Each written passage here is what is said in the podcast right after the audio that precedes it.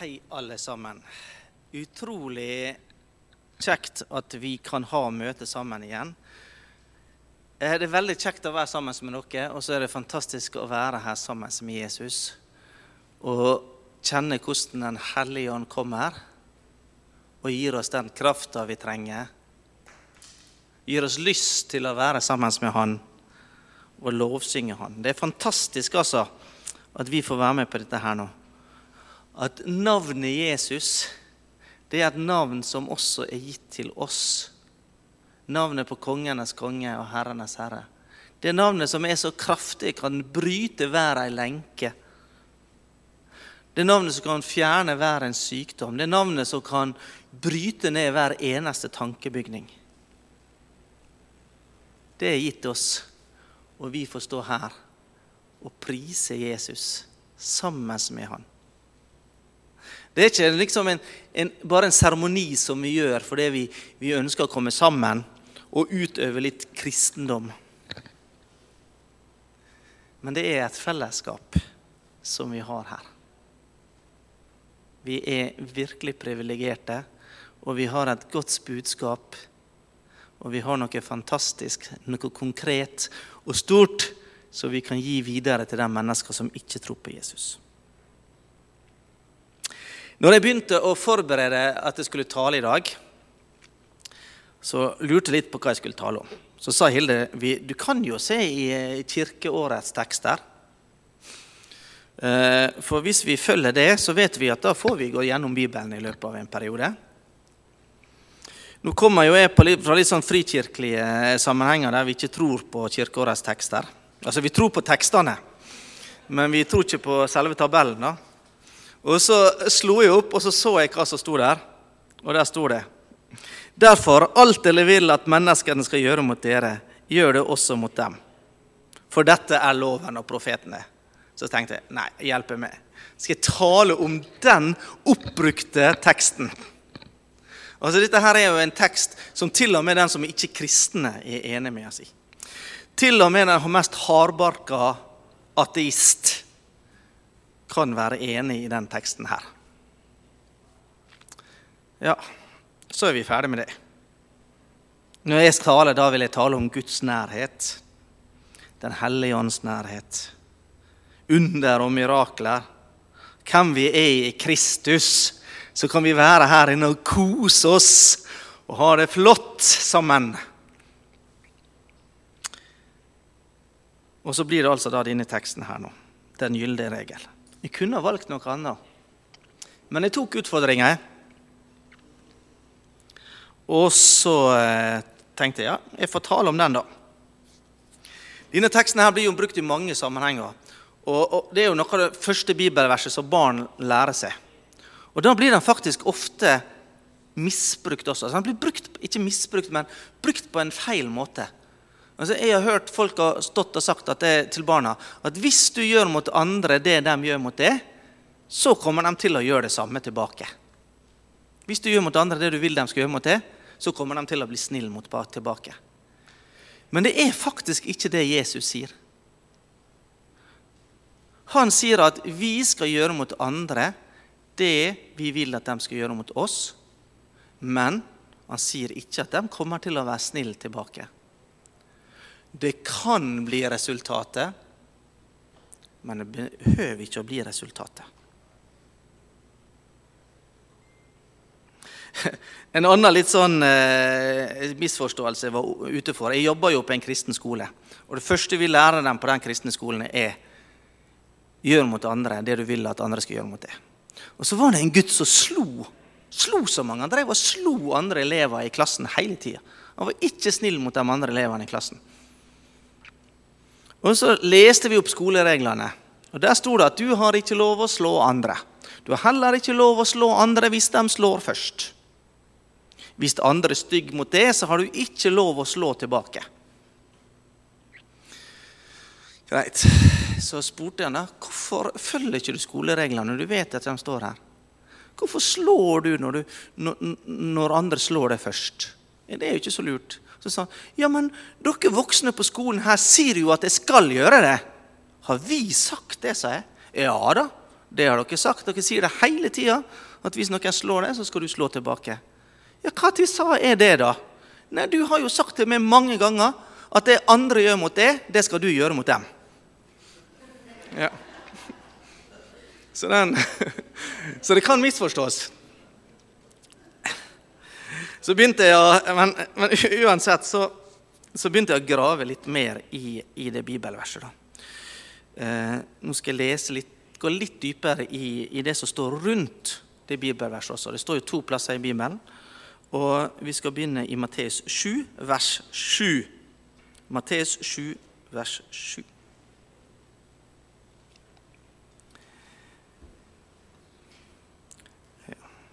Be, så skal dere få. Let, så skal dere finne. Bank på, så skal det bli lukket opp for dere. For hver den som ber, han får. Den som leter, han finner. Og den som banker på, skal det bli lukket opp for. Eller er det vel et menneske blant dere som vil gi sønnen sin stein når han ber om brød, eller gi ham en orm når han ber om en fisk? Når da dere som er onde, vet å gi deres barn gode gaver, hvor mye mer skal da deres Far i himmelen gi gode gaver til dem som ber ham? Derfor, alt dere vil at menneskene skal gjøre mot dere, skal dere også gjøre mot dem. For dette er loven og profetene.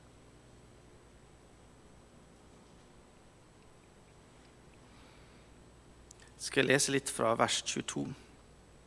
Det står i samme sammenhengen. Salige er dere når menneskene hater dere. Unnskyld, det er Lukas 6,22. Salige er dere når menneskene hater dere, og når de støter dere ut, spotter dere og kaster deres navn fra seg som noe ondt for menneskesønnens skyld. Gled dere på den dagen og spring av fryd. Var ikke det et godt budskap? Jeg hørte ikke noe jubel og fryd. Jeg leste det. Skal jeg lese det en gang til? Her, ja, Jesus sier at vi skal glede oss over dette. her. Skal jeg lese det en gang til? Salige er dere når menneskene hater dere, og når de støter dere ut, spotter dere og kaster deres navn fra seg som noe ondt for menneskesønnens skyld. Gled dere på den dagen og spring av fryd. Få høre et amen, da? Ja?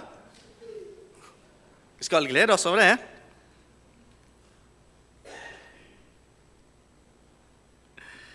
Ja, for en liten stund siden så leste jeg en artikkel i Bergens Tidende. Jeg kjente liksom at jeg ble litt sånn irritert når jeg leste den. Sikkert flere som har lest den. Det er derfor en god trend vi ser når de unge også er mindre troende og religiøse. Det gir håp om enda mer menneske, mellommenneskelig forståelse og aksept i en verden som sårt trenger akkurat det. Det her er en religionslærer på videregående skole som skrev i BT. Hun har helt sikkert kristne elever i klassen sin på skolen. Tenk å skrive det om sine egne elever. At hun er glad for at ikke mange av dem er kristne. For da får vi det bedre på jorda. Jeg lurer på hva som skjedde hvis hun hadde skrevet om hvem som helst annen gruppe i Norge. Hva viser fakta?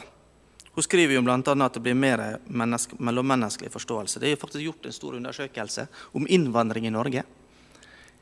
Hva gruppe i Norge er mest positiv til innvandring? Snittet i landet var vel at rundt 49% var positiv til innvandring. Blant kristne så var det over 80% Desidert mest positiv til innvandring. Og Likevel så står hun og sier dette her nå. I Berkeleys Bank i England så er det slik at hvis du er med i en organisasjon eller en organisasjon som ber for homofile som ikke har lyst til å leve som homofil, det som kalles homoterapi Det er jo et ord som egentlig ikke har noen definisjon. Så hvis du blir beskyldt for å drive med det, så, så driver du med det. Og det er jo et kristent, skjevt kristent nettverk i Norge som har definerer det å be for folk som ønsker å ikke leve som homofil, det er homoterapi. Gjør du det, så får ikke du låne penger i den banken. Er det, noen har, er det noen her som har lest i ei bok som er skrevet for lenge, lenge siden? At folk som vil følge Jesus, skal ikke få lov å drive med handel. Kjøpe og selge. Det er ikke helt ulikt det som skjer nå. Det viser seg at i Norge, i vårt land, så er det altså Ikke vårt land avisa. ja, kanskje der òg. Så er det vanskeligere å få jobb hvis du er en kristen. Hvis det kommer frem i intervjuet eller står i CV-en din at du er en kristen, så er det vanskeligere å få jobb.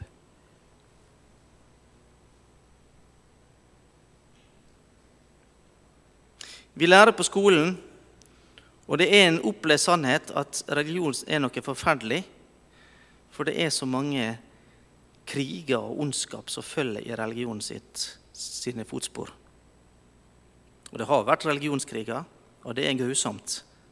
Men vet du hvor mange kriger i verden cirka? Dette her er nå fant jeg ikke navnet på den personen, men det er en religionsforsker i Oxford som har kommet frem med det tallet her.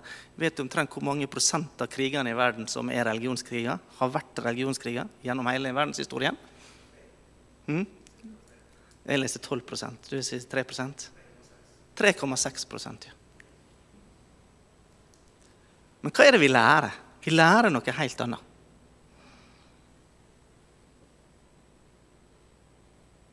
Jeg vet at dere som sitter her, dere vet hva sann kristendom står for. Jeg tror ikke at dere som er her, går ut og truer folk med sverd og høye hodet av dem hvis de ikke blir kristne. Men det er vi, vi som er evangeliske kristne, vi blir sammenligna med dem. Mens de som gjorde det, det var faktisk kristne som ikke trodde på Bibelen. De finnes også i dag. Men det er en annen sak. Nå skal jeg være litt forsiktig, så jeg ikke trår over en grense. Ja. Um, så vi vet hva ekte kristendom står for.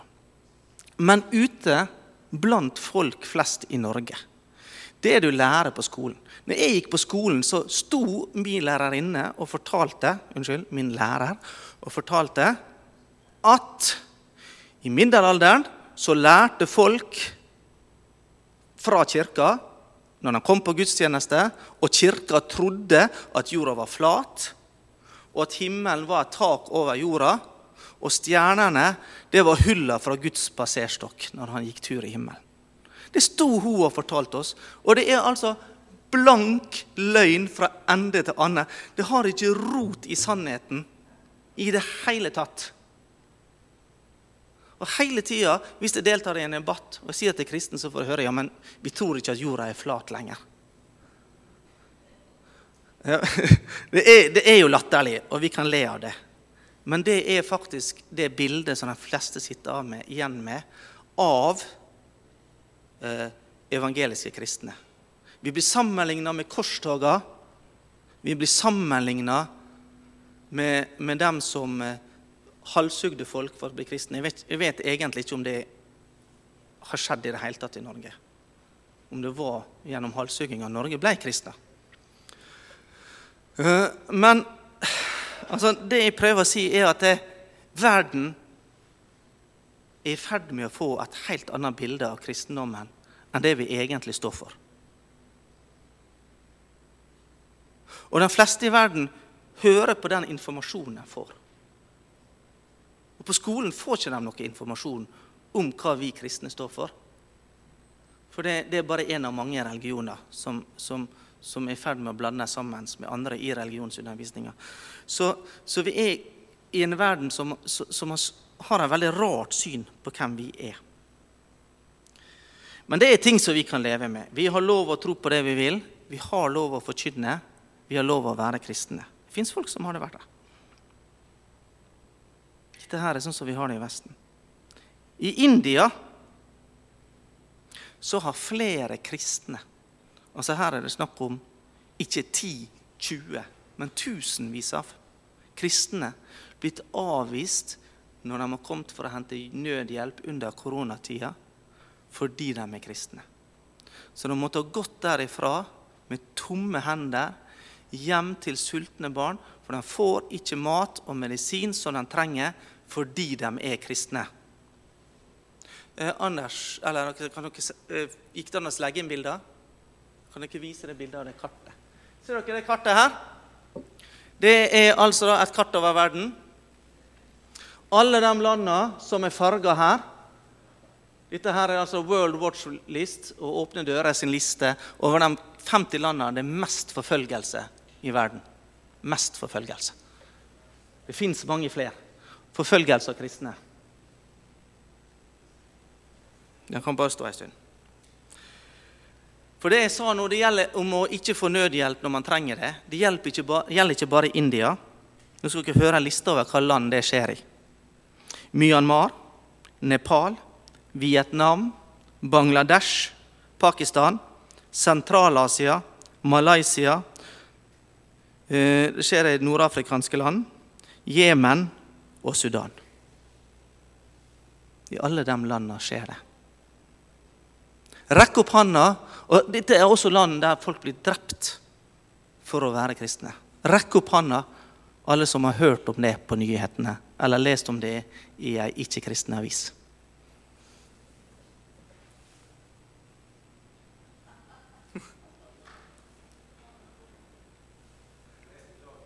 Ja, Rekk opp hånda, alle som har hørt om det i nyhetene. At i alle de landene jeg leste, der er det kristne som ikke får nødhjelp fordi de er kristne. Og at kristne blir drept fordi de er kristne. Hvor mange har hørt om det i nyhetene, f.eks. på NRK, eller lest om det i VG, eller sett det på TV 2-nyhetene? Jeg, jeg har aldri sett det. Jeg har sett om mye nød og elendighet, men aldri at noen har opplevd det fordi de er kristne. Det er et av de største menneskerettsbruddene som fins i verden. Et av de aller største menneskerettsbruddene, som kanskje er det største. Det kommer ikke frem. Og Jeg føler på både sinne og fortvilelse når dette holder skjult. Og ikke minst oppgitthet. Nå skal jeg lese eh, ifra eh, Skal vi se Ifra Lukas. Eh, det er vel kapittel 6 og vers 20. Og så skal dere få høre samme bibelverset som jeg leste i sted, i sammenheng.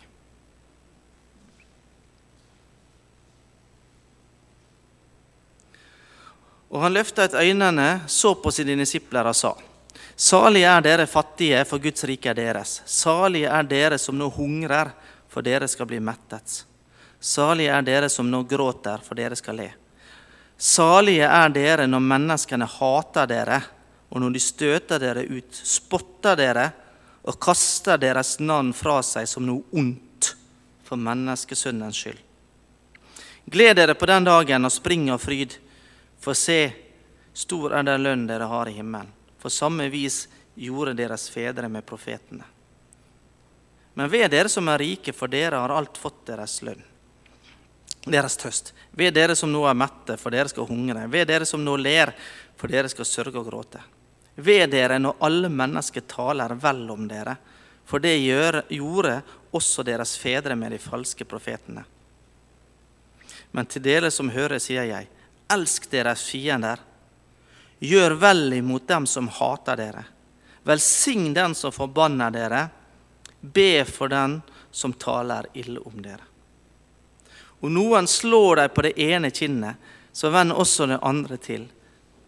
Når en tar ytterkappen din fra deg, så nekt ham heller ikke kappen. Gi til hver den som ber deg, og krev ikke tilbake fra den som tar fra deg det som er ditt. Og som dere vil at menneskene skal gjøre mot dere, slik skal dere gjøre mot dem. Jesus sier ikke til oss 'vær snill mot andre', for da er de snille mot dere. Han sier 'gjør mot andre det dere ønsker at de skal gjøre mot dere'. Sjø uansett hva det koster. Uansett hvor mye det svir. Uansett hvor ondt det er, så skal vi gjøre det. Om dere elsker den som elsker dere, hva er det å takke dere for? Også syndere elsker jo den som elsker dem. Og om dere gjør vel imot dem som gjør vel imot dere, hva er det å takke for? Også syndere gjør det samme. Og om dere låner ut til dem som dere håper å få igjen av, hva er det å takke for? Også syndere låner ut til syndere for å få likt igjen. Men elsk deres fiender, gjør vel og lån bort uten å vente noe igjen. Da skal deres lønn bli stor, og dere skal være den høyestes barn. For han er god mot de utakknemlige og onde. Vær barmhjertige liksom også deres far er barmhjertig. Men Jesus han var ikke alltid pen og pyntelig. Jesus han var direkte, og han kunne være beinhard i sin kritikk. Spesielt dem, mot dem som var sjølrettferdige, var han beinhard mot. Vi vet hva han gjorde når han kom inn i, pengsel, fengs, nei, i tempelet. mener jeg. Vi vet hva han gjorde når han kom inn i tempelet og så alle som tjente penger på å selge ting i tempelet. Det som skulle være et bønnshus. Vi vet vreden hans. Bli sint, men synden ikke, skriver også Paulus. Så her er en sånn balanse som jeg syns er litt vanskelig. Vi skal være nådige, vi skal være barmhjertige, men vi har også lov å sette skapet på plass. Jakob 1,5 står det noe veldig bra, altså. Men om noen av dere mangler visdom, da må han be til Gud, for Gud gir alle villige uten bebreidelse, og han skal få den. Vi må leve tett til Gud for å kunne gjøre noe sånt. Vi kan ikke gjøre mot andre det vi vil at de skal gjøre mot oss, uten at vi lever så tett til Gud at vi får den visdommen vi trenger fra Han. Den kan vi også finne i Jesus. Lese om Han i Bibelen og se hvordan han handler i forskjellige situasjoner. Det trengs virkelig visdom. Og så er jo det veldig lett å forveksle visdom med kompromiss. Det blir en sånn sovepute. Nei, det er ikke lurt å gjøre sånn. Fordi hvis vi gjør sånn, så kan vi støte vekk folk. De, ja, dette var vise ord. Ja, nei, vi må, ikke, vi må ikke oppføre oss som galninger, for vi kan støte vekk folk. Eh, og så tolker vi det som visdom, så er det egentlig kompromiss. Lev nært Jesus, så vet vi innerst inne i hjertet. Da kan vi dømme åndene. Da kan vi vite hva vi skal gjøre. Hva, eh, skal vi se neste bilde? Hvor mange kjenner igjen den mannen her? Ja.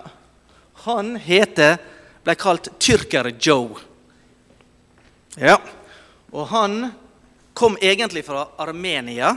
Og det er vi veldig stolt av, for Hilde hun er en åttendedels armener. Visste dere det? Hennes oldefar var fra Armenia. Ja. Og Ja, Frelses Armenia. og han møtte Frelsesarmeen for første gang han kom til USA. Han hadde bodd i sunni Istanbul. Der lærte han seg å bli skomaker. Så reiste han til Amerika for å leve der. Og Første han møtte da han kom til Amerika, det var Frelsesarmeen som ute hadde friluftsmøte. Og Folk var så sint på Frelsesarmeen, for de sa så mange upopulære ting om at folk måtte vende seg. De sa at synd var synd, og at det fantes et helvete, og det finnes en himmel. Og Folk kasta gjørme på dem, og de angrep dem. Folk ble banka opp på friluftsmøtet, Frelsesarmé-offiserer som sto der. Og han så at dette her var noe fantastisk. For den var jo så god samtidig som den ble angrepet og, og nesten drept. Så velsigna den fiendene sine. Og i neste, neste omgang så fikk de mat, de fikk hjelp. De hjalp dem ut av rusavhengighet og alkoholavhengighet og alt mulig. Kom seg vekk fra det. Så flytta han til eh, Los Angeles, var det vel? Ja. Og der starta han sin egen eh, sko, skomakerforretning. Han ble alkoholiker, hadde det ikke godt. Traff på noen fra Frelsesarmeen og ble frelst. Skomakerverkstedet han var ved siden av en salon. Og det var en åpen luke fra salonen inn i skomakerverkstedet, der de bare sendte inn eh, brennevin og øl til han. Plutselig en dag var den stengt med en Frelsesarmé-plakat. Og under sålene så skrev han S. Og når folk lurte på hvorfor det sto S under sålene, så han kan velge om det betyr 'saved' eller 'solide soler'. Det kan dere velge sjøl. Han laga sin egen Frelsesarmé-uniform, som dere ser. Dette. Dette her var en av de mer enkle uniformene hans. Vi lurer på om vi skal få oss nye rødjakker til hornmusikken. Kanskje det hadde vært en idé. Eh, han spilte saksofon, kornett og fløyte. Han var den første som spilte kristne hymner på saksofon i USA. Og folk kom stormende til. Han ble offiser i Frelsesarmeen. Ja, og reiste rundt. Han lagde en paraply som var gul, blå og rød, og med bilde av William Booth på. Og så sto det bibelvers og sånn på paraplyen. Og så festet han elektriske lys til paraplyen. Det var en sensasjon i den tida på slutten av 1800-tallet. Og så reiste han rundt sammen med ei dame som var kortvokst, hun var bitte lita, og en indianer som var blitt frelst. Og så hadde de møte. Men det var ikke bare det. Flere plasser i USA fikk ikke Frelsesarmeen lov å bare stille seg opp på gata og ha friluftsmøte. For de kunne jo støte folk som gikk rundt, og det kunne bli opptøyer. Er det noen andre som vet om byer som har slike regler? Ja, vet du om en by, Ola? Lester. Fins det andre byer? Kan vi stille oss opp hvor som helst i Bergen og ha et friluftsmøte? Nei, vi kan ikke det. Når vi spiller, i, når vi spiller borte med Festplassen, så får vi beskjed om ja, dere kan spille, men dere får ikke lov å forkynne. Det er sånn i Bergen nå. Hva skulle vi ha gjort da? Vi skulle stilt oss opp der og forkynt. Og det gjorde Tyrkia-Joe. Han reiste til byer der det frelsa med-soldater og offiserer var blitt fengsla fordi de hadde forkynt evangeliet, og, og skapt uro i byen og støtt mange folk. Så reiste han, reiste han dit, og så hadde han friluftsmøte, og så ble han fengsla. Ble fengsla 57 ganger, tror jeg, for Jesus. 50, var det 53? Ja, over 50 ganger for Jesus ble han fengsla. Og det han gjorde, var at han gikk til rettssak mot den som styrte i byen. Og flere ganger måtte de fratre sine stillinger. For det var nemlig eh, lov i USA å ha friluftsmøte. De hadde ytringsfrihet. Dette var på 1800-tallet. Så han forlangte til og med at de som var ledere i byen, måtte fratre stillinga til. Politisjefer måtte fratre stillinga hans fordi de hadde fengsla han ulovlig. Og En gang så kom han til en by der det var en korrupt sheriff som, eh, som uh, herska. Jeg skal ikke bruke for lang tid på dette her nå. Men det endte med at Tyrkajov tok over makta i byen. Og sheriffen og hans eh, korrupte medhjelpere måtte flykte byen. Og han styrte byen, han Tyrkajov. Helt til frem til neste valg. Og da lurer jeg på han var en Jesus-solat. Og han eh, gjorde mot andre det han ønska at andre skulle gjøre mot ham. Hva ønsker jeg at andre skal gjøre mot meg? Vi kan ta et bilde til forresten av Tyrkia Joe. Det liker jeg veldig godt. Så et bilde til. Der ser dere han. Hæ? Fengsla for Jesus over 50 ganger, og han var veldig stolt av det. Hæ? Ja, Kan bare la det bildet henge resten av talen, for jeg syns det er så bra. Hva ønsker jeg at andre skal gjøre for meg? Jeg har satt opp ei liste.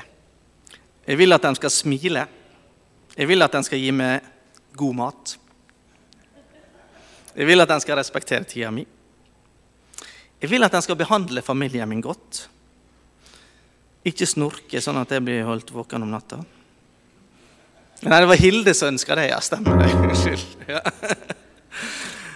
La meg sove lenge, snakke høflig til meg, gi meg gode tilbakemeldinger, bygge meg opp, lytte til meg, se meg, osv. Masse sånne hverdagslige små ting.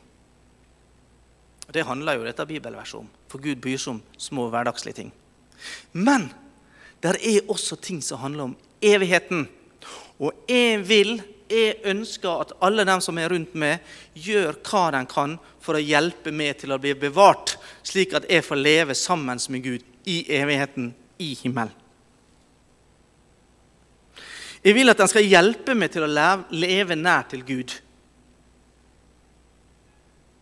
Og Da må jeg også leve nær til Gud, for da hjelper jeg andre å leve nær til Gud. Jeg kan ikke bare henge på, være med i Frelsesarmeen, ha på meg uniform av og til det hjelper ikke andre til å leve nær til Gud. Jeg er så heldig at jeg har vokst opp i en familie med foreldre der Gud var en naturlig del av absolutt alt vi gjorde. Og var en naturlig del av økonomien. Hvis vi hadde penger, så takka vi Gud for det. Enda oftere når vi ikke hadde penger, så takka vi Gud for at han ville ordne det. Når vi spiste, så takka vi Gud for maten. Når vi gjorde noe gøy, så var Jesus med på det. Alt vi gjorde i hverdagen. Og det ønsker jeg at andre skal gjøre mot meg og min familie. Jeg vil at andre skal hjelpe meg å bli lik Jesus. Hvordan kan dere hjelpe meg å bli lik Jesus? Bare tenk litt på det. Jeg vil at andre skal be for meg. Å gjøre mot andre det andre vil gjøre med det. Jeg vil at andre skal være dønn ærlige mot meg. Ja, ikke hvis maten er mislykka, eller noe sånt. Da trenger jeg ikke å si være ærlig.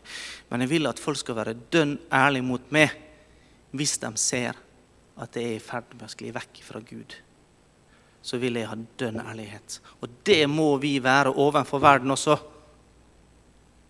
Sjøl om de sier 'Å, jeg trodde du skulle være snill mot alle som var kristne', og så sier du at jeg er i ferd med å gå til helvete. Ja, det er snilt mot deg faktisk å gjøre det. Det var ei dame som skrev en artikkel i Dagen. Hun hadde gjort noe som var veldig dumt, som ødela hele hennes forhold til Gud. Hun hadde tatt et valg som ikke var bra som i verden blir sett på som noe flott. Jeg skal ikke gå inn på hva det var, det er ikke viktig. Men noen modige kristne hadde tørt og sagt til henne, og var ikke redd for å bli upopulær, de var ikke redd for å støte eller krenke, og sa til henne dette der er ei synd. Og syndens lønn er døden. Og hun var dem evig takknemlig, bokstavelig talt. For hadde ikke noen tørt å si til hun at det var ei synd det hun hadde gjort, så hadde ikke hun heller skjønt at hun måtte be om tilgivelse.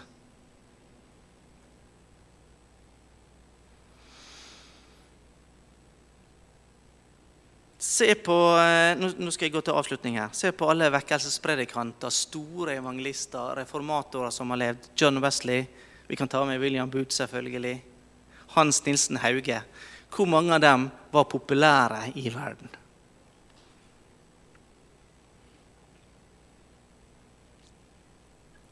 Så faktisk så handler det bibelverset her om å leve nær til Gud. Det handler om å være fullstendig avhengig av Den hellige ånds kraft og styrke. Det handler om å komme sammen som en menighet og oppleve Guds kraft i sammen. For øvrig, bli sterke i Herren og i Hans veldige kraft. Ta på dere Guds fulle rustning, så dere kan holde stand mot djevelens listige angrep. For vi har ikke en kamp mot kjøtt og blod, men mot maktene, mot myndighetene, mot verdens herskere i dette mørket, mot ondskapens ånde her i himmelrommet. Vi kan ikke henge oss opp i at verden er ond, så vi skal ut og ta dem. Nei, vi må hjelpe dem ut, for det er ondskapens ånde her vi kriger mot. Det er dem de er slave under. Ta derfor Guds fulle rustning på, så dere kan gjøre motstand på den onde dag og bli stående etter å ha overvunnet alt. Stå da ombundet med sannhetens belte om livet og vær iført rettferdighetens brynje. Ha skop som skop på føttene, den beredskaps- og fredens evangelium gir. Her handler det om å gå ut Grip fremfor all troens skjold, så dere kan slukke alle den ondes brennende piler med. Ta frelsens hjelm og åndens sverd, som er Guds ord. Be til enhver tid i ånden med all bønn og påkallelse. Vær årvåkne i dette med all utholdenhet i bønn for alle de hellige. Jeg klarer ikke å be til enhver tid i ånden. Jeg gjør ikke det. Men jeg vet at det blir lettere for oss alle å gjøre det hvis vi sammen gjør det vi ønsker at andre skal gjøre mot oss, nemlig leve nærmere Kristus. Amen.